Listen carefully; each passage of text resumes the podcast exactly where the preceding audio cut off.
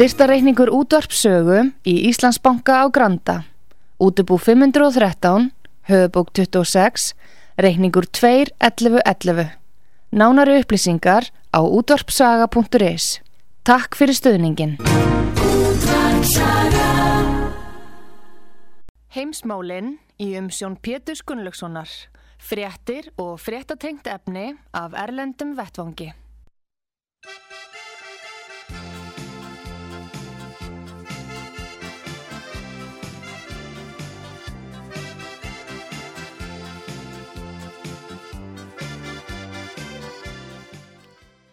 Góðir eh, hlustendur, þið er að hlusta á útvarpsögu. Ég heiti Pétur Gunnlaugsson og ég ætla að ræða við hann Gustaf Skúlason, fréttamann útvarpsögu í Svíþjóð. Sæl og blessaði Gustaf.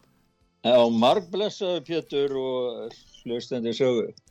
Já, nú er þetta þessi umræða um eh, vantarlega eða yfirvofandi innrás Rúslands inn í Úkrænu. Nú... Selenski, fórseti Úkrænu, hefur gaggrínt yfirlýsingar vestrætna stjórnmála og ennbættismanna og fjölmiðla sem um yfirvofandi innrás Sovjetríkjana eða ekki Sovjetríkjana heldur Rúslands en það er eins og tala sér um, um Rúsland í dag eins og Sovjetríkin og að þetta, þessi óstöðuleiki segir Selenski valdi efnahagslegum óstöðuleika í Rúslandi. Sko þetta, þetta hefur ekki verið líkt neinu lægi hvernig kvítahúsi hefur hagað sig gagvart Úgrænu og gagvart öllum innum vestarann heimi, bara gagvart öllum heimun. Það hefur verið stanslös áróður og sett í gang uh, gríðalegt leikrit með öllum NATO-löndum, með öllum vinum og vandamönnum. Hérna í Svíþjóð hefur ríkistöldin kringsnúst eins og skoppara kringla þeir hafa aukið fjárlega til hersins, herdeld, auka herdeld nýra á Gótland og, og sænska sjónvapa hefur með full hvert einasta kvöld áróður um hérna ræðilegu rúsa og þessa yfirvofandi einrás og eh, eins og við rættum þá, þá lækkuðu hlutabrif hjá, hjá hérna fyrirtækjum í, í Úgrænu Já. en núna banda, hafa bandaríkjaman þeir, þeir ásand fleirum það var Sullivan hérna sem er eh, Jake Sullivan sem er öryggisráðgjöfi kvítahúsins hann held hund núna fyrir helgi og, og það var bara skipundagsins var flýið yfirgefið Úkrænu og þetta var fleiru annu land gert Breitland og, og e, mörgunu land Svíþjóð komið með þetta dæmi e, það eru það eru já það eru sko mörg lönd sem eru með þessu. En, en Gustaf, trúa svíjar því að, að þessi yfirvöndi innrás frá Rúslandi? Það er tölver hræsla hérna við það að það búið að hræða fólk sko. Það búið að vera svo linnulus áraður. Það viðtal við hersi, það voru gerðkvöldi viðtal við tvo sérfræðinga sannska hersins og annar sem var sérfræðingur í Rúslandsmálum og þeir lífst þessu sem bara einhver svona herrleik þar sem að maður er svona bara að meta stöðnar og maður ma ma dælir upp meiri vopp hér, meiri þrýsting þar, en svo sæða eitt er að, já en svo veit maður ekki nema bara þetta fari bara allt úr böndun. já, hérna. Já, þannig, þannig að sko, að, að, hérna er tótn yfirvald að sá að það er bara, það verður bara stríð. Það, það er bara ekkit annað í spílunum hér heldur en að verði stríð. No, við ættum uh, kannski að hlusta aðeins á við vorum með smá hljóput frá hann um Sölvan þegar hann er að fyrirskipa einmitt sko fólk að koma. Já, við skulum heyra hvað hann hérna, það er frá kvítahúsinu hann er öryggismála sérfræðingur fyrir Joe Biden, hefum ekki að heyra hann We encourage all American citizens who remain in Ukraine to depart immediately. We want to be crystal clear on this point. Any American in Ukraine should leave as soon as possible, and in any event, in the next 24 to 48 hours. We obviously cannot predict the future. We don't know exactly what is going to happen, but the risk is now high enough, and the threat is now immediate enough that this is what prudence demands. Já, Já, hann segir að það sé ekki hægt að spá um það hvað gerist í framtíðin en samt spáir hann því að, að það getur orðið innrás, ég skil þetta nú ekki. Já, þetta, þeir, þeir eru með þetta alveg bara hverjum einasta fundi sko. En rúsarni vísa því öll á bög og, og segja bara þetta sé skálskapur, þetta sé bara falsfyrirti.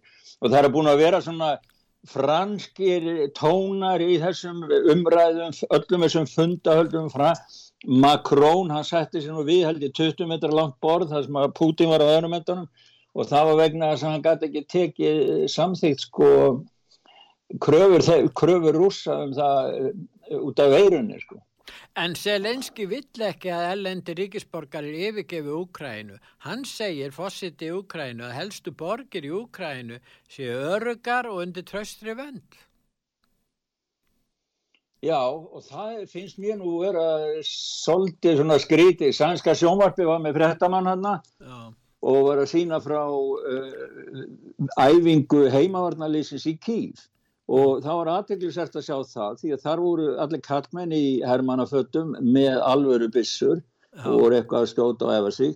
En svo voru konuna þar voru bara í vennilegu föttum og með trebissur sögðu pæng pæng þannig að ég veit nú ekki alveg en hins vegar búið að dæla svo mikið af vopnum inn í Úgrænu stanslust og það flóið til þeirra allan tíman erum, og maður er að heyra fréttunum það að bætin er búin að senda fyrir utan að senda ennþá fleiri hermenn, þrjúst hermenn í viðbót við hérna 8-4.000 eða hvað eru margir, maður er farin að missa tölunum á þessu, þá er, er búið að senda 8 B-52 svona stórar sprengjaflugvelar e, yfir til Englands og hérna í Eistrasaltinu varum daginn við sé og ég hugsaði að ég sé það áfram, voru flugmóðskið frá NATO sem að geta skotið tómahátt Þannig að það er sko, það er þjætt setið, þetta er svona, ef maður væri með tabbor fyrir fram að sig, þá myndum maður bara að rada ölluð í kringum sko. Búið, NATO er búin umkringja alveg. Nú hefur Putin ekki verið þægur hérna uh, stöðningsmaður alþjóðavæðingar, hann hefur heldur staðið gegn því og þetta er kannski þáttur í því að refsa Pútín, það snýst allt um Pútín, hefur þið tekið eftir því, þeir er alltaf að tala hvað Pútín gerir, ekki? Þeir tala ekki um rústins stjórnvöld eða rústinska herin, þetta er alltaf þessi eina persóna sem er í, í bakgrunni.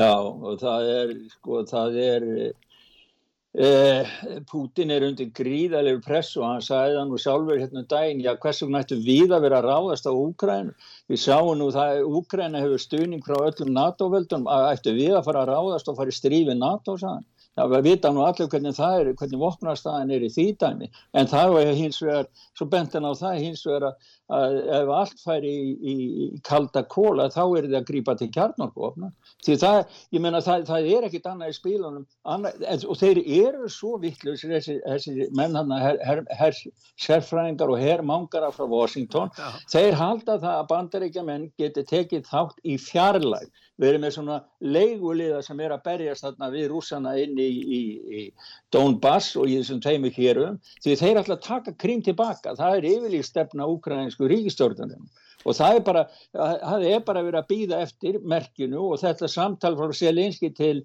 Biden í gæri kvítahúsinu var sennilega ekki, ekki bara það að bjóða húnum í kaffe heldur líka að fá að vita hvort hann mætti að setja í gangstríði sko. Er ekki verið að leika hérna stríðsleiki í tölvu og þess vegna hafa er, svona, er þeir undir smitaðir undir áhrifum frá því vesturlandsk stjórnmálamenn á vesturlandum þeir er alltaf að halda þetta sé bara einhver leikur í tölvu að komast að styrjöld. Ég meina, uh, skilja menn ekki alvöruna? Þetta, minnir, Nei, held, held þetta bara, minnir á fyrir heimstyrjöldina sko þegar að stjórnmálamenn og almenningu bara fagnaði því að fara í stíð nú er það mjög gaman og, og tilbreyting frá því að vera að vinna í vesmiðjónu hérna á skrifstofunum það verður þá skemmtilegt að fara í smá styrjöld ég meina, eru menn svona rugglaður og gegn hérna uh, er vittneskan um, um sögulega þróun 2000-aldarinnar, er hún svona lítil skilja menn ekki hvað er nöðsilegt að koma í vekk fyrir stríð sem á að vera markmið nummer 1, 2 og 3 hjá öllum ríkistjórnum í Evrópu og Bandaríkanum og rússarnir eru kannski með 1.20, 1.3 eða kannski ég hugsa að heldar framleysla Vesturlanda og Bandaríkan og Evrópu eru svona 30 sinu meira heldur en Rúslands Rúsland er bara eh, efnahagslegu dvergur í samanbyrðu við þetta. Þeir hafa ekkit efna á því að heia styrjöld. Skilja er það ekki? Ég held að þeir viti nákvæmlega þau öll sem að stjórni viti nákvæmlega að þetta munir þýði dauða, þetta munir þýða uh, bara eld og, og, og dauða viða, en ég held að þeim sé bara nákvæmlega sama um það. Því um leið og þeir fara að setja í ganga að, að kasta sprengjum eða skotvarum að annað, þá er komin big business fyrir vopna framlegendur og verbreyng hjá þeim hækka núna allstæðir í heiminum. Þannig að ég held að það sé bara ekki betur en það. Við erum að gera, að gera við fólk sem er reyðið búið til þess að fara og taka þá áhættu að, að vera í þessu strísleik hann í Ukrænu og ég get sagt þér það, til dæmis það var sendiherran hérna í, í Stokkólmi, hann skrifaði bregð til fórsættisráðara síþjóðar og utanríkisráðara og vildi fá að vita þeirra svör án þess að fá einhver svör sem eru skrifið í Brussel eða í, í, í Washington um það hvað afstuð svíjar hefur til varnamála og, og til NATO og annað. Því að þeir segja, sko, eða ef þetta hefði ekki, bandaríkinn og NATO hefði ekki verið með svona augranir eins og það og, og búin að út, vikka út NATO svona í, í kringum Rúsland eh, vestu frá, þá hefðu þeir í, í Rúsland ekki haft neitt á móti því að Svíþó gengi í NATO.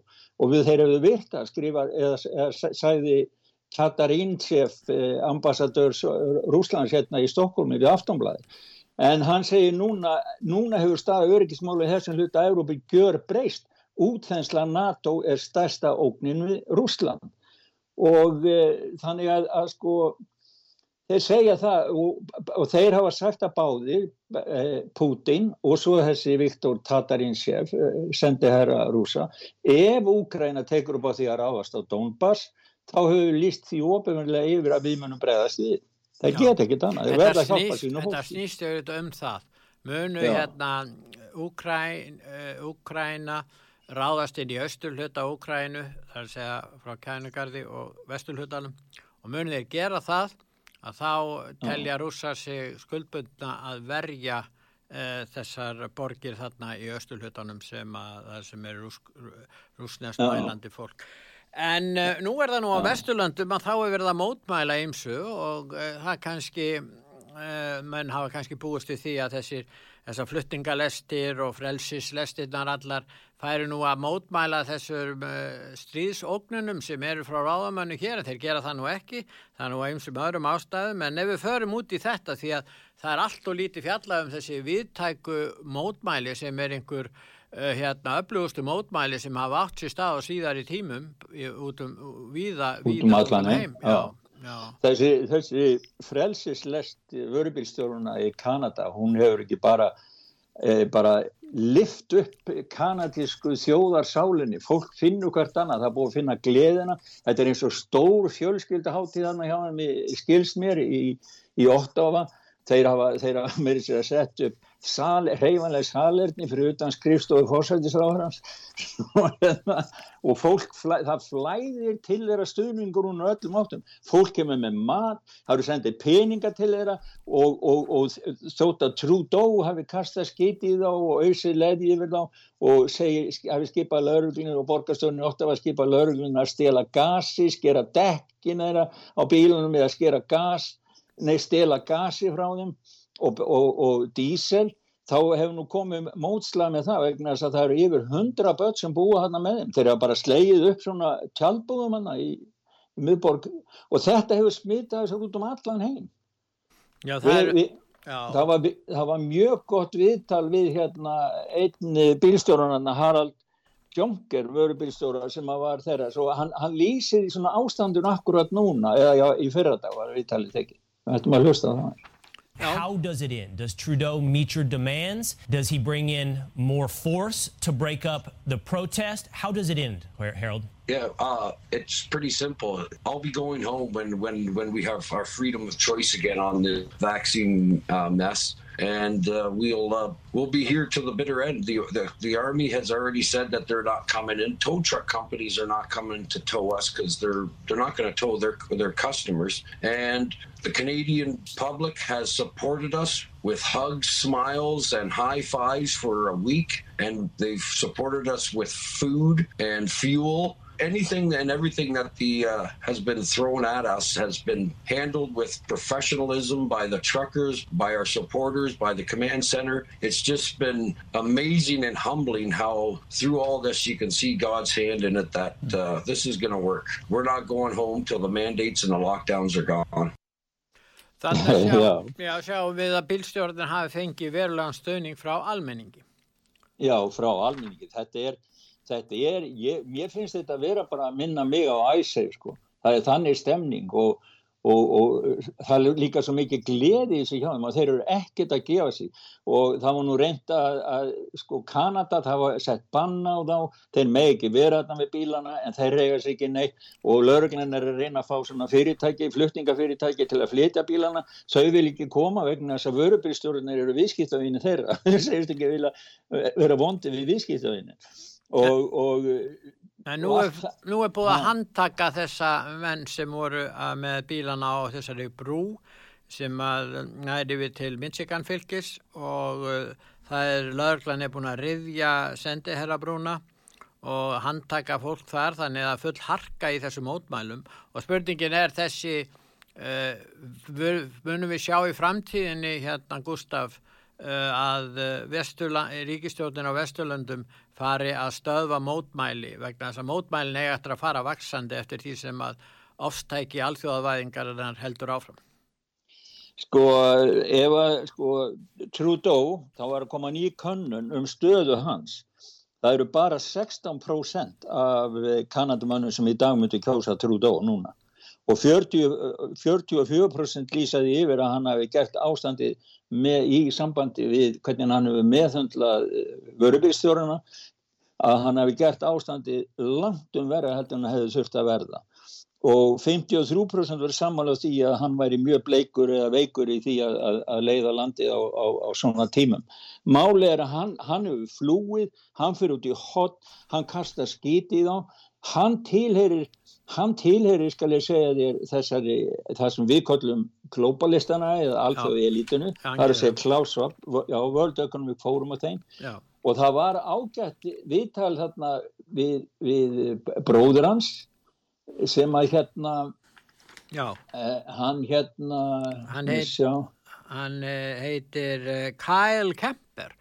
Hann er nú hálfbróður hans væntalega Já, og hann er hálfbróðans og það var, það var mjög gott viðtaflið það. Hann sagði að þeir hefur nú aðeins skilist svona innan fjölskyldunar bræðnir en hann listi, hann sagði það bara beint út að dasgráin sem var trút og fylgdi í Kanada, það væri bara dasgrá World Economic Forum og Livia Rísama. Hann fylgdi bara því sem þeir segði því að hann hefði ekki neitt sjálf, sjálfstætt að koma með.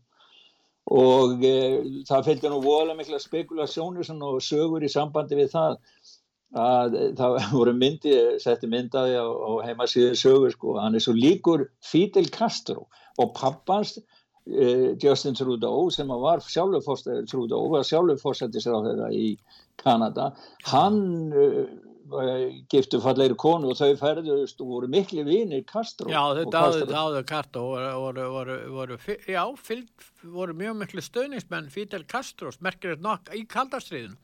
Já, í kaldastrinu og þá hafa verið voðalega með eitthvað sögursandunum það að, að uh, Justin Trudeau hann hafa vorið til í einni af slíkri ferð sko. En ég, seg, ég selða ekki dýrar en ég hveit en það eru er... myndir á heimasíðu sögu þannig þeir eru svo snar líki sko. Ég alveg... hvet uh, hlustendur að fara inn á websíðun okkar út af saga.is og sjá hvað hann Trudeau er sláandi líkur Fidel Castro bara tekið fyrir í nokkur skipti þarna að þegar Fítel er ungur og, og ber að sama eh, við Trútó, þeir eru, eru nauða líkir, hann er reynda tvífarans. Já, hann er alveg eins og hann sé tvífara. Já, hann er alveg eins, eins sko. Hérna- hárlokkan, lokkin og þú veist, og, og þegar hann er ungu með yfir að skekk, þetta er bara eins og þetta, ég, ég hef bara haldið það að Castro væri Trútó. Sko. Castro var þinn fósittisráður að Kanada. já, en hann keirir nú sömu línu og Castro. Já, hann er svolítið, já, það er rétt sko. Herra, en heyrðu, við erum með smá viðtala því að sko, þeir eru bara allir eina svari yfirvaldi Kanada það er bara að banna, banna bílaðist þannig að banna þetta verkvall banna að kerja með bílun á brúna, banna að flauta banna að gera þetta og banna hitt. En það er ekkert farið og banna alla peningasaflanir þeir bannuðu fyrst þarna GoFundMe og, og, og, og það er voða mikla deilur sambandi. Það og að lókum þá allar þeir að skila peningunum tilbaka og þá fór allir þeir stálu peningunum, ráðum. Þeir stálu peningunum, þeir eru enga heimild til þess. Nei, þeir, þeir ölluð að gera það fyrst, það stélum og gefa til Black Lives Matter og svona, en það fóru, það fóru svo margir, það, þeir örðu að gefa það með sig því það var gjössamlega ólöflega, þeir eru tapað þeim málahörlum, Já, sko. þeir, þeir, þeir gáfu, lofuðu að borga peningana tilbaka en svo það gætu tekið betur viku. En þá fór, ha, við getum hlusta á hljóðbútið mitt um uh, já, það er Fund samtök, Go. Og Canada One, já. Quick question for you. Your site has raised over $8 million for the truckers. Have they received any of that money? At the moment, yes, they have. Um, and there's actually a couple campaigns in regards to those truckers up there. And yes, funds have flown to those campaign owners. So you say the Canadian government has no jurisdiction over your company. Are you appealing it? Are the truckers appealing it? What's the next step here? They definitely are appealing it there, but the funds uh, primarily at this point are here in the United States. They're completely not frozen, and there are a wide variety of methods for us to get them to them. But yes, the, the convoy is appealing it and going through that legal process up there. Já, Já, hann, já. hann segir það sko að þeim hafi tekið, hann segir það að þeir séu með lögsu í bandaríkjanum, ekki Kanada sko. Þess vegna, Já, þess þeir vegna eru með verður þá- peningan í bandarískum bönkum og það er Já. kannski erfiðara fyrir Trudeau að stýra því. Já, og hann sagði það að hann þyrfti ekki að fara eftir sko, þessi, þessi maður uh, heitir Jacob Wells hjá Give, Send, Go. Hann sagði það að þeir þyrfti ekki að fara eftir úrskurði dómstóla í Kanada. Já, Og að peningandi væri á mestu leitu komni, sko. Þeir söfnuðu bara nokkru dögum, tíu miljón. Þetta er, ég held að þetta sé upp undir miljardur íslenskar krónar, sko. Þetta er einhver smá peningar. Já, já, já missa kostið það. En Já. nú það er, það er uh, í fleiri ríkjum en í Kanada, það sem er þeirra mótmæla, það eru ekki bara mótmæli til dæmis í París, það eru átök þar.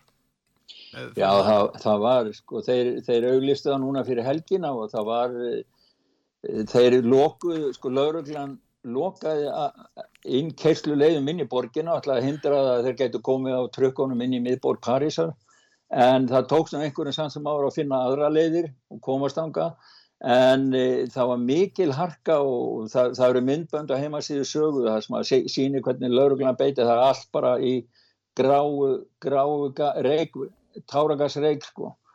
Þetta er alveg skelvilegt sko. En, en, og svo var svipa, í, í hag voru líka mikil mótmæli. Í Hollandi Í- og Belgíu. Já, Hollandi og Belgíu, já, og hérna, en það fór nú miklu friðsamleira fram, sko, skilst mér í, í hag, en það eru, það eru myndir af þessu öllu, þetta er út um allan heim.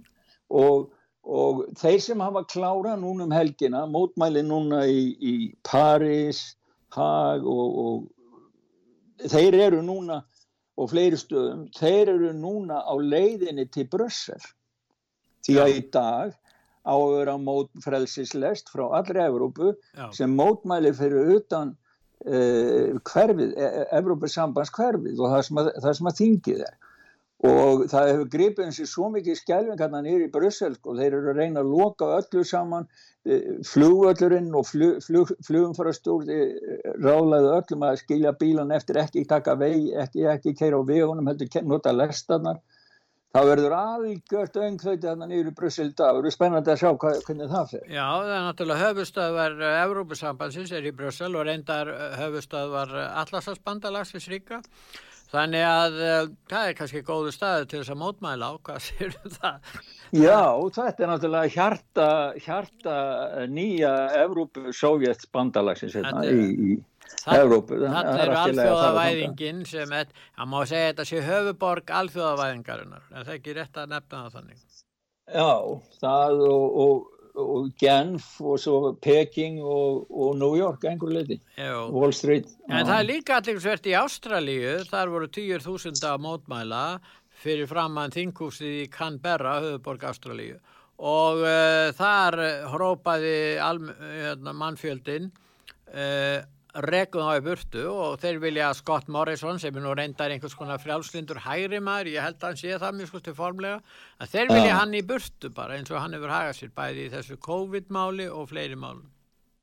Já, það, sko, Ástralía hefur, það er orðið mjög svona e, ó, sko ekki aðlandi, ó, það er orðið óaðlandi land Eins og var til- mikið, ástralíumenn er svo miklir sko frelsis undendur og hafa alltaf varið það og, og svolítið einkennilegt að ástandi skulle verða svona þar. Já, þetta er svo óástrar sem að hugsast getur að, að, vera að haga sér svona og, og með, með allt þetta eftir, en það verist vera sem að stjórnvöldi ástralíu tilheyri þessum sem að vilja koma á sko bara alræði í, í öllum minnum vestræna heimi með eftirlit. Þeir, þeir, þeir, þeir, dreymir alla um kommunista kerfið í Kína í, á Vesturlöndum sko, þess að göra. Já, geta stjórna mannskapin betur. Já, og geta stjórn, koma á fullkomnu eftirliti. Það er það sem þeir eru að reyna að gera í sambandi við, við koronaveiruna, Já. í sambandi við bólupassan. Európa-sambandi er alltaf ekkert að hætta við það. Og það getur, ég, mér hefur látið nú bara dottið að svona hug, svo hugsin hefur kvarlað að mér að kannski eru þeir líka svona eh, að vera, haga sér svona í Úkrænu til þess að koma í gang einhver ofan þar, svo fólk verður upptekið af því og get ekki varið að ha- bólupassan og Fólk á að hata Putin, þá var að magna upp og, og hérna hatur Gagvart Putin, Vladimir Putin sérstaklega, vegna þess að hann hefur ekki verið hlýðin alþjóðavæðinga fólkinu og það er það sem að kannski er, hangir á spýtunni líka eins og þú segir. Já, alveg, alveg, alveg ábyggilega. En, En- en ef við förum, þú veist að minnast á þetta, rittskoðanir á Vesturlandum, þetta er að færast í aukana.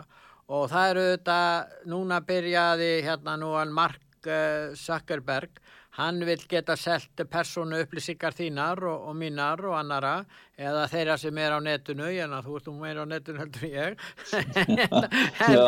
en, en, þú, en ánu vitundar notenda, þannig að þeir geta selt þessar upplýsingar og vilja fá það og þeir hóta því að, að loka hérna Facebook og Instra, Instagram er það ekki bara ágætt að ég loki því, hvernig, hvað segir það? Já, ég er því döðu fegin. ég er ekkert á móti því. Nei, Ah. nei, Ég, ég þarf ekkert að vera neitt á Facebook, sko. Það er, það er að koma svo margt annað sem er miklu meira spennandi og skemmtilegt. En þetta bara sýnir, sko, þeir lifa í einhverjum heimi þetta fólk. Þeir halda, sko, þeir, þeir halda þessi orðnir stærri en allir aðrir af því að þeim hefur tekist að ná, uh, hvað hefur að segja, alþjóðlegum frama og, og, og völdum, sko. já, já. En ef við byrjum, sko, nú, nú náttúrulega eins og ég verið að tala um hvaðan uh, Zuckerberger er að gera, en, en það er nú margt sem er að gerast þarna og það er í sambandi við vorum að tala um vörubílstjóralestinnar og hvað Já. hérna nú hefur, hafa, hefur Facebook og Twitter og, og fleiri netrisar, eh, þeir hafa ekki vilja fjalla um þessi mótmæli Nei, það, þetta er tengt því að netrisarnir sem að borga peninga til eh, þessara fyrirtækja, þeir banna gaggrinni á bólefni. Það má ekki ræða gagg og það er bara, það er herferð, það er bara stríði gangi gaggvart allri vísindalegru umræðu um þessu bólefni og um, um uh, stjórnafari að, að, að, víkja stjórnarskrándin hlýðar með neyðalögum í nafni COVID sko. Það, þetta má ekki ræða. Og þá er til dæmis lokar Facebook eh, þegar að vera, vera til dæmis í bandaríkjum þar sem er verið að, er verið að að leggja upp gríðarlega mikla frelsislest þar til stuðnings Ka- Kanada og á að fara með í, til Washington. Þá lokuðu þau öllum síðum hjá þessari hreyfingu í, í bandaríkjum og Twitter líka.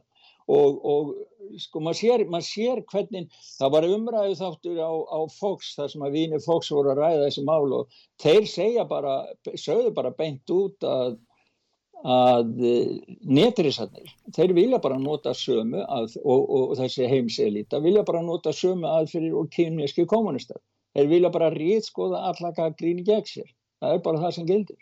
En hvergi hafa er gengið eins langt eins og í Östuríki þar sem að, að eh, þeir sem er ekki, hafa ekki látið bólusetja sig þrátt fyrir það að verið er að opna uh, fyrir hérna og, og, og hætta þessum ströngu reglum að við viðast hvar, það er á meðal í Evrópu, flestur ríkjum í Evrópu, í Danmörku Írlandi og annars staðar, þá uh, leitar lörglan í Östuríki að óbólusettu meðal vekkfarenda og til ef þeir, ef þeir ná til þeirra þá er að sekta óbólusetta já alltaf halvri miljón íslenska krónar. Já, þetta er, það, það er bara hryllilegt að hugsa til þess. Þetta er refsivert aðtæfi að vera óbólusettur í Östuríki. Já, það er orðið ólöglegt. Það er ólöglegt að vera óbólusettur. Ég gæti ekki verið hann. Og þeir ætla að gera þá óbólusettur, þeir ætla að refsa þeim. Þeir gefa, það er gefin einhver smá frestur í byrjun og fara einhver tíma frest til að bólusetta. Ef þú gerir það ekki, þá verður segt. Og ef þú heldur áfram, þá hækkar sektin. Og hún fyrir hækkandi upp í halva miljón íslenska krónur. byrjar á 85 skrónum síðan, og síðan er árs fangelsi og það var meira heldur en það ég man ekki hva, í hvaða landa það var hvort það var hjá þeim að það var ákveð, jú að dæmi domstóli til gæsluvarhals segjum óbúlisettum, þá eiga domstólar að endur heimta þann kostnað sem því fylgir af skildu aðeins í samræfið gildandi ákvæmum um endur heimta kostnað við fullinstur efsinga. Ég ætta tilvittnum í, í, í, í það Og það þýðir það, ef þú verður settur í steinin sem óbólusettur að búið að taka fullt af peningum í sektir, þá þarfst þú líka að borga fyrir fangilsirist. Já, en ekki, ekki fjöldamorðingin eða nöðgarinn, hann þarf ekki að borga neitt.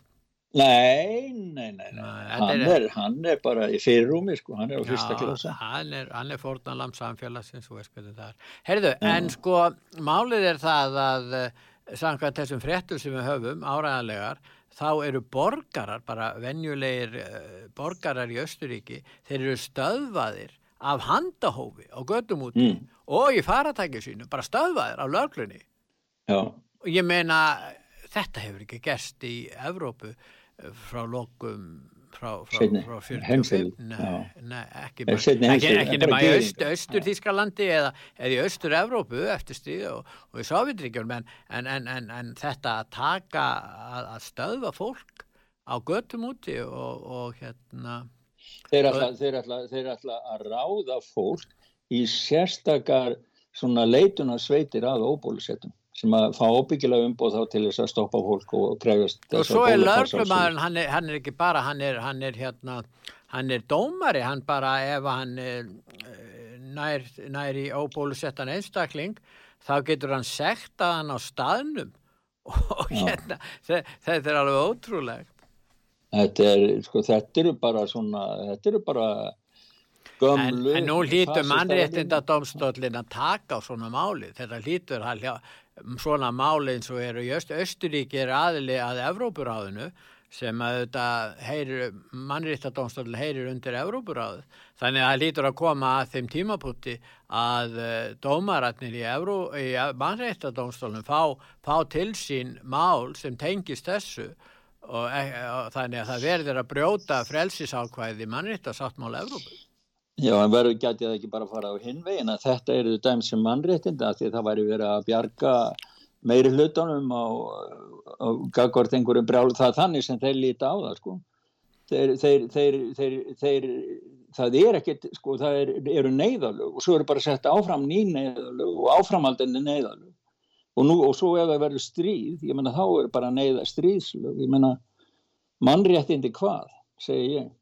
En síðan eru ekki engangu handtökur þarna í Östuríki heldur líka í ríki sem hefur nú verið svona í farabóti þeirra ríkja sem hafa nú virt eh, mannréttindi, sérstaklega á þessu svæði sem það er, það er að segja Nýjasjálandi og mm. hérna þar eiga sér stað fjölda handtökur á stjórnar anstæðingum. Já, þetta er, þetta er eins og sko, já, þetta er svona svipa eins og þróunin í, í Austuríki og í Ástralíu. Við erum að sjá hvernig sko heimurinn er að skiptast, hinn svo kallega frjálsi heimur er að skiptast upp í annars vegar lönd sem eru bara að þróast upp í reyna fasisma. Það sem að mannréttindi líðræði, þetta er bara, það búið í þessu til hliðar. Og, og svo hins vegar... Með aðstóð frjálsra fjölmiðla líka. Já. Það eru fjármiðlar eins og, eins og þessan, þessi netrisar og, og, og við heyrum ekki gaggríni hér í stóru fjármiðlar hér á Íslandi, eða stóri er náttúrulega litlir, hvernig sé það litið, en stóri kannski Já. í þessu umhverfi. Ég meina, hvernig er það í Svíþjótt til dæmis? Uh, þú þú fætt þínar upplýsing maður sér nú, jábel þó að sænska sjónvarpið, ríkis ódarpið sem eru nú ríkismiðlar, Já. eru voðalega hlutdrægir eins og til dæmis í spurningunum stríði í Ukrænu Já. og mörgum öðrum málum og, og sænska ríkistjórnin kindir undir að fara sömu leið eins og bæði bætin er að fara í bandarækjanum með yfirlýsingu hækkun hriðverkastiks og að Evrópa-sambandi kom upp með hriðverkalög til þess að koma burtu öllum óþægilegum af nétunu, þetta alltaf er að koma á hérna í og líka skilur að þá er heimurinn sko, þá, þá sé ég hérna í fjölmjölunum hindi síð og það er samt sem áður ennþá leift, það eru valkostamílar hérna, en það óttast að margi hérna þegar Európa-sambandi kemur með sín lög og þau verður að tekja um í síð og þá verður þetta allt saman loka. Og innarrikisræður að Þískalands hefur uh, neitt uh, netfjölmiðin, Telegram að loka Já. 64 rásum í Þískalandi og ástæðin er svo vegna hægri öfgastefnu og samsæluskenninga þá bara ákveður ráð þeirra það að þessi miðill eh, reyki einhvers konar hægri eða öfgastefnu og samsæluskenninga án þess að leggja fyrir neitt dómsúsniðusta sko í Þískalandi gilda ströng lögum um öfgaflokka og um frambóð þeirra þannig að, að það er hafaði stjórnlega domstól sem dæmir í þessum málum. En það er ekkert verið að býða eftir því. Það er bara ráð þeirra bara ákveður þetta og lokar þessu. Ég menn hvað er að gerast í Þískalandi þetta er nú svolítið Já, þetta er, þetta er, mer, já, þetta er merkileg þróum Pétur að hérna núna eru komið sósældemokrataríkjastjórn og hún já. sem lokar þetta er innaríkisráður af Þískalands Nancy Faeser, sósældemokratísk eh, kona. Já, og já sko hún hefur nú ekki, nú ekki hún er að kasta steini í glerhúsaðana því að það eru full, blöðin eru fulla sögum um það að hún hafi skrifað greinar í vinstri auðgami Lantífa sem að skilgreini þingræði sem fasisma og hún láta afnema líðræðislega þingræði. Og, og hún lísti því yfir að hún ætlaði að láta reyka alla ríkistarfsmenn sem ekki fylgdur rétt frúna að stefni sósætdemokratið hún kennist í valda. já, og, og þannig að þú veist sko hún, hún saði ég eru sem sagt gaggríni á yfirvöld og með takmarkanir og lokanir vegna COVID og undatekningar og neyðalög vegna COVID og bólupassa. Mm. Það má ekki gaggrína þetta, þá er maður hægri auka sinnaður Ég sá það að hún gaggrindi þingræðið, hún, hún telur þingræðið verið einhvers konar tegunda fascisma, ég veit ekki, hvað vill hún þá? Vill hún bara innleiða? Já, hún, hún skrifaði í blad sem að hjá reyfingu sem að gaggrindi, sem segir að þingræðið sé en bara saman fascisma. En hún setur sem ráð þeirra í skjóli þingræðis í, í, í þíska þingræðið? Nei, hún, hún gerði það áður hún var ráð þeirra. Já, það breyti ekki, hún gerði það núna. nei, nei, ég mitt sko. Nei, þetta, þetta er ótrúlegt en, en maður sér það, þessi svo kölluði jafnaðamenn, þeir eru í fara brota fasismans hérna á Vesturlöndum, Já. í Bandaríkjónum, í Ástralíu, út um allan heim. Og þetta er þessi alþjóðlega vinstri elita sem að tengist klásvap og í gegnum World Economic Forum hefur beint tengslíninn mistúr kommunistaflós Kína.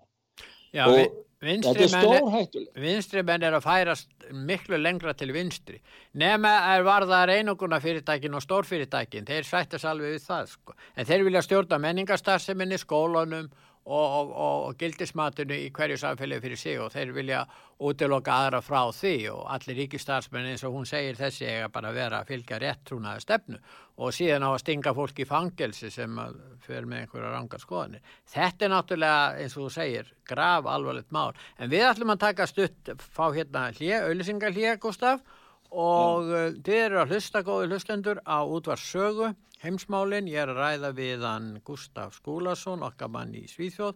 En við ætlum að hlýða auðlusingar núna og eftir auðlusingar hlýða þá höldum við umræðin áfram. Heimsmálin í umsjón Pétur Gunnlaugssonar. Fréttir og fréttatengt efni af Erlendum Vettvangi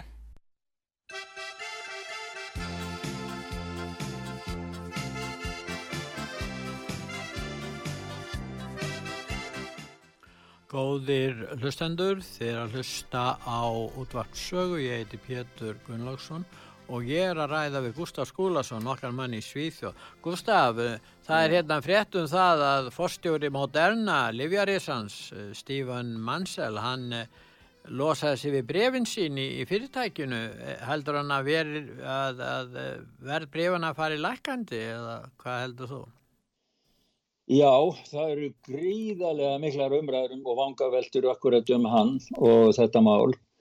Hann eh, seldi, hefur selgt hlutabrið sín að andverði 400 miljardar dólar og ekki nómið það að hann seldi þau, heldur að þegar hann var búin að selja síðast, hann seldi þetta í nokkrum pökkum í smá tímabil, Já. að þá leta hann sig hverfa. Hann lokaði reikningi sínum á, á Twitter og leti sig hverfa og það eru gríðalega miklu umræður um það hvað sé hér á baki út af hverju hann sé að gera þetta. Og Já. það er maður sem að e, sem að hefur sem sagt Stefan Ban Nei, betur, hann heiti Stefan Bansel þessi fórstjóri. Já, fórstjórin Livjaressans. Já, já. já, en svo var annar hérna eh, sem heiti Dáð, Edvard Dáð, sem hefur starfað hjá fjármálafyrirtækjum og er, er sem sagt, hann rannsakaði dánatölur hjá, hjá hérna jarða útfarastofum og, og tryggingafélagum Já. og sem að sína miklu, miklu harri tölur og ofur, döða þeirra sem látið bólisetta sig. Og hann hafði sendt bref til forstjórans og beðið um útskýringar og hann telur það að það gæti verið í tengslum við það þannig að það er, er við, við vitum allt og lítið um þetta mála en þá en það, það, það eru sko umræðunar eru alveg fara bara upp um alla veggi sko. En svo hefur verið að benda það við stöðum að tala um Moderna hennan Livja Risa að Livin voru nú uh, það, þau voru nú sendið til Íslands. Ég veit ekki, að lítið herst um Moderna? Nú alveg herst í tala verið talað um Pfizer spröytunar en um, uh, Moderna og Spotify er í eigu það eru sömu aðlar sem eiga þessi stórfyrirtæki. Það er aðteglisvert Mjög, mjög svo. Og þetta var nú sambandi við hann hérna Joe Rogan. Já, Rogan hann sem, a, sem er nú stærsti hvað heitir að hlaðvarp eða pottari hjá Spotify. Já. en Spotify fór samt gegn honum og var að reytskoðan og, og hann telur þetta bara að vera pólitíska áras. Það var út af hverju var það? Jú, það var vegna þess að hann var að taka við, töl, við vísindamenn sem voru að gaggrina bólaðin. Eins og Malone. Hæ? Eins og Robert Malone. Já eins og Robert Malone einmitt já, já. og það er einmitt Robert Malone sem uh, kom með þetta sko að stærsti eigandin í Moderna á einni mest hlutabrið í Spotify þannig að svona hangir þetta saman fólk þessi, þessi netrísar sem eiga svo mikla peninga þeir, al, þeir, þeir fara út í fjölmiðlana. Þetta er eins og maður sá svolítið í Æsæg og Íslandi að þegar einn aðilinn fór og kefti upp fjölmjöla til, til þess að búa til svona ímynd sem að átti að vera falli mynd og mátti ekki springa sko. en svo sprakk svo bara og fór hún í heildýpi þegar allt hundi sko. En Joe, þessi Rógan hann er ekki pólitískur álitskjafi, hann tala bara um allt milli heimis og jörðar, hann er bara svona talar við lustendur sína og hérna hann segir að þessi nortnaveiðar um allar heim gegn honum sarkat pólitískri pöntun þannig að hann, telur, hann heldur þessu fram og hann hefur sko uh, þannig að menn geta bara uh, gert sig grein fyrir því að ef menn far ekki eftir áliti pólitískra réttugsunar og styðja alþjóðavæðinguna svona mestuleiti að minnstakosti ég veit ekki hver er afstæða Joe Rogan í því máli en um, mér skilst að, að það sem hann er sagaður um hafi verið einmið smávægilegt eða eitthvað sem er hreinlega ópolítist. Hvað segir um það? Já, al, algjörlega, algjörlega, en það er bara, sko, má, sko þetta er svona alveg klassísk dæmi um það, hvernig bara venjulegt frelsi, málfrelsi, það sem er verið að ræða alls konar mál, að það er verið að þrengja jafnvel því, skilur. Þannig að, að sko, þetta sýnir það að baráttan nétrísana og, og uh, elitunar sem við köllum, globalistana, hún hefur hardnað og er að hardna í öllum heiminum og, og, og þetta er eitt af, eitt af því dæmi, segi ég. En fyrst við vorum að tala um þetta fyrirtæki Moderna og það er meðal pólefnin, þá er að koma fram afleiðingar af þessum, uh, þessum efnum og til dæmis uh, er verið aukning á sjúkdómstilfellum bandarískra hermana árið 2021. Hvað segir um þetta? Já, mannstu, við rættum síðast, þá rættum við, sagðum við frá brefi öldungadelda þingmann sem að skrifa til vardamálaráðunni sem svo kraðist þess að það er að vegna þess að það voru uppljóstrar pattbórsumræðum hjá honum og, og hann kraðist þess að, að herin legði spílinn á borði Já. og herin gerði það en veistu hvernig þau spilit út? það var þannig að þeir sögðu já, heyrðu við, við fórum aðtöðum álið, tölvuna hjá okkur hafa sínt vittlis og tölur í fimm ár. Það hafa verið miklu, miklu fleiri hermið sem hafa veikst og tilkynnt veikindi síðan fimm ár heldur síndi, síndi sig vera í tölvunum. No. Og svo komum við með nýja mynd ekki þessa mynd sem síndi allar þessu aukningu, heldur mynd sem síndi alveg svakalega veikindi hermanna síðustu fimm ár, þannig að árið 2021, eftir að byrja að vera bólusett og allir eruð veikin, að þá batnaði þeim 3%. Já, já, já. Þetta er svolítið, já. Þannig að sko... Það, það, það er þetta stóra máli, hvaða skoðun sem menn kunna hafa, Gustaf, þá er stóra máli þetta að fá aðganga áræðanlegum upplýsingum. Og, og ég menna að það verið að tala um falsfréttur og annað. Þegar ofinberir aðlar og eins og alltaf svartamálar á þeirri eh, ráðneiti í bandaríkjónum og, og, og ríkistofnanir þegar að það er taka þátt í, í því að gefa frá sér óáræðanlegar tölur e, þá náttúrulega er algjört stjórnleis og upplist sem á sér stað í umræðinni Já, þetta, er, þetta, sko, þetta ber allt keim og yfirbræð sko, eftir á, þú veist, þeir hafa verið að breyta til eftir á. Og hann sæði þeim þetta, þessi uh, Ron Johnson, öldingadelda þingmaðurinn, að hann varaði við í sínu brefi ef þið farið að eiga við gögnin hjá, hjá hernum eða breyta einhver eftir á eða það hverfur eitthvað þá verður tekið mjög hart á því. Þannig að það verður mjög svo áhugavert að fylgjast með næsta skrefi í þessu máli. Þetta ber allt, þetta lyktar mjög illa, það er eins og að það sé verið að þeir séu að hafa búið til einhverja fimm ára, ég meina hvernig er maður að treysta hér, nútíma tækni með tölvum manna, ef þeir get ekki fundið bílun í einni tölvunni yfir heilsu hermanana í fimm ár, hver á að trúa þessu? En sko það sem vantar náttúrulega er þetta að menn fái áraðanlegar tölur og upplýsingar um Já. hérna efnin sem að livjarísarnir hafa verið að framleiða gegn COVID-19 og til dæmis aðvarani varandi hjartabólgun og Japan eru farnir að segja frá þessu og vara við þessu en uh, þetta er ekki gert annar staðar og þetta er náttúrulega mjög uh, hérna, gott að, að, að þróa ríki eins og Japan skuli þó reyna að koma á framfæri áralegum tölum. En eins og ég segði áður, það skiptir ekki máli hvaða skoðun menn kunna hafa. Við verðum Nei. að fá réttar tölur. Og ef þessar tölur um hérna um skada og helsuskada sem að þessi efni eh, livjarísana hafa valdið er reitt að fela þau þá er það náttúrulega, þá munu framtíðar kynnslóður valla að treysta helbriðis yfirvöldum og treysta yfirvaldinu. Það er það sem maður verður að gera sig grein fyrir. Og ég held að þessar, þessi réttskoðan sem á sér stað er alltaf komið vekk fyrir það að almenningur reynlega fari að evast um og, og, og, og hérna uh, heilindi hins ofinbera í þessum grundvallamálum og það er það sem við þurfum að geta treyst. En því miður, Já. þá bendir því miður allt og margt til þess að, að við getum ekki treyst tölum frá einu ofinbera og hversin stendur á því að það hafa komið hér mörg, mörg þúsund tilkynningar til uh, hérna til livjastofnunar á Íslandi? En, en, en það er ekkert fjallað um þetta Það er bara sagt að það er engin hætta af þessum bóluöfnum.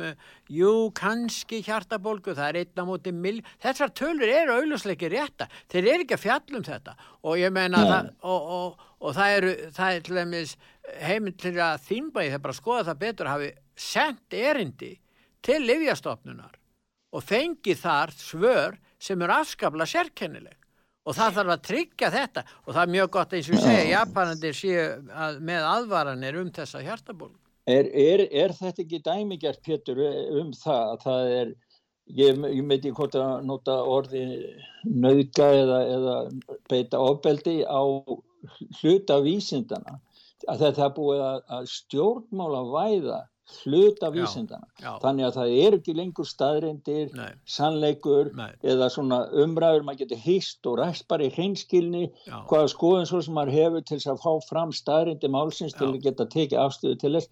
Sko, það, það, það, það eru stjórnmálur sem eru komin inn og verið fannin að taka yfir allt. Lög, reglur virðing fyrir yfirvaldinu, virðing fyrir hvort öðru og þeim sem eru ábyrðastöðum ég menna þetta er eins og þú segir þetta, þetta, það er verið að draga úr því öllu saman öllu saman með þessu. En varandi Japan þá, þá, þá er grein, mjög merkileg grein finnst mér á heimasíðu sögu eftir Dr. Joseph Mercola. Hann var nú einn af þeim sem var offsóttur og hann var hóta mordi hann var það að loka fjarlægi 15.000 greinar og 25 ára starfa heimasíðu sinni og hann breytti henni bara í 48 tíma útsendingu af engin grein sem hann skrifur og leggur út af síðan og stendur að lengur enn 48 tíma hann er bara horfin undir jörðina hann, og, og verð sitt líf og sinna fjölskyldu. Hann skrifaði mjög góða grein í Epoch Times þar sem hann ber sama Japan, afstuðu Japana, við vestuveldin sem eru höndum lífarhessana. Og ég er á, þetta er svolítið löng grein, en ég er á ráleik öllum sem vilja kynna sér þetta því að í Japan þeir rannsökuðu sjálfur mRNA bólefnin. Þeir rannsökuðu það sjálfur og þeir tóku nýðustöðunar af þeim rannsóknum og þær voru ekki ákvæðar fyrir bólefnið þannig að þeir hafa ákveðið að setja merki við það með viðvörun á allar bólefnaflöskur mRNA bólu eða stungulífa eða komar á að kalla þetta til þess að vara við og þeir, það er engin þvingaður, ekki nokkuð maður. Nú í lokin ætlum við að ræða um skotarásir í fjölmenningaríkinu Svíþjóð og uh, það er auðvitað fast í líður eins og venjulega því miður Gustaf en við Íslandingar getum verið stoltir af fjölmenningun á hjá okkur. Skotar og þessi færast í vöxt þannig að vel hljóta að vera ánæði með það. Það er nú svona mæli hverð á það að fjölmenningin er farin að skila árangri hérna, hvað segir þú? Já, já, er, þeir eru búin að taka þetta upp eftir svíjum. Já, við verðum ah. að gera það, ég meina að fara að standa gegn fjölmenningunni, hvað, hvað, hvað, hvað er þetta nýnarsist eða hvað, er þetta brjálaður? Já, já, norranna samvinna. Já, norrann, já, já. Herðu, segðu mér eitt, hérna, fjallar rúf hlýtur að vera á móti, þeir ekki bara rúf um þess að skotar á sig á ykkur? Nei, nei, það er nú alltaf hægt, en þetta er bara svo margt, þetta eru mörga árási hér sko þetta, þetta er í svona litlu samfélag og, og það sem er náttúrulega við lítum sögulega á þetta fyrirverðandi ríkislauglustjóri 2017 og 2019 varaði við þessu og hafði reynda gert það áður líka hvað er gert Já. við hann? Hann láti hann hætta fundir einhver átilla til þess og málið bara það þetta er bara, þetta er bara hluta þessu sem við erum alltaf að tala um Gustaf. Það er bara unnið mark og svo þegar við sínum fram á það það er unnið markvist uh, fyrir þessari alþjóðavæðingu þá tala menn um samsæriskenningar og fyrst að menn eru sakar um samsæriskenningar þá er bara að taka um tjáningafresi líka. Þetta er náttúrulega mjög þetta er merkilegt hvernig þeir ímynda sér þetta. En ég, ég segi bara ímynda sér ha Nei, ég get nú bara rétt ímynda mér sko að þessi tróun heldur svona áfram í svona liklu samfélagins og, og, og hvað ég var að segja viðkvæmu samfélagi, það er engin herðarna, það er engin vopna menning Íslenskir vandræðamenn hafa jú yfirleitt verið, þetta eru menn sem átt við áfengisvandamál og kannski brotið eitthvað að sér, en við hefum verið svona mestuleiti, minnskosti hér áður fyrir lausir við þetta, þó að við höfum nokkað vandræða fólki sem alla þjóðir. Núna er gjör breyting á þessu, núna erum við bara komin inn í, inn í þá stöðu eins og önnu fjölmenningarsamfélag þar sem að glæpir bara álítið bara hluti af hinnu eh, daglega lífi og menn verður bara að sætta sig við það. Eins og menn segja um COVID-19 við verðum bara að lifa með veirunni. Ha, við verðum bara að lifa með glæpa veirunni þeir menna það er ekkert öðruvísi. Já, það er það sem er næst. Já, hugsaðu þér hvað Já. er þetta eða? Hvað er þessi stjórnmála með í, á milli eirnana á alþingi? Þessar kvígur þarna í, á þinginu heldur þau virkilega að þeir fara að gera eitthvað? Nei, akkur svöruður ekki ákalli frá ríkislagustjóra fyrirverðandi? Hvað gera þeir? Bara já, losa sér við hann frekka. Þetta er alveg dæmigert fyrir hvernig ástandi er því miður. En við höldum áfram að segja sannleikan, Gustaf. Já. og við, eh, við erum ekki bara ímynda neitt og við hlustum að loka lægiðans eða lægiðans John Lennon Imagine, við setjum það á fónin hvernig segir þú? Já, við ekki bara gera það Jú, í þessu brjálagslega ástandi sem er komið upp í heiminum núna að fá að heyra röttina hans aðeins. John Lennon, Imagine. Takk fyrir Pítur Bless. See if you try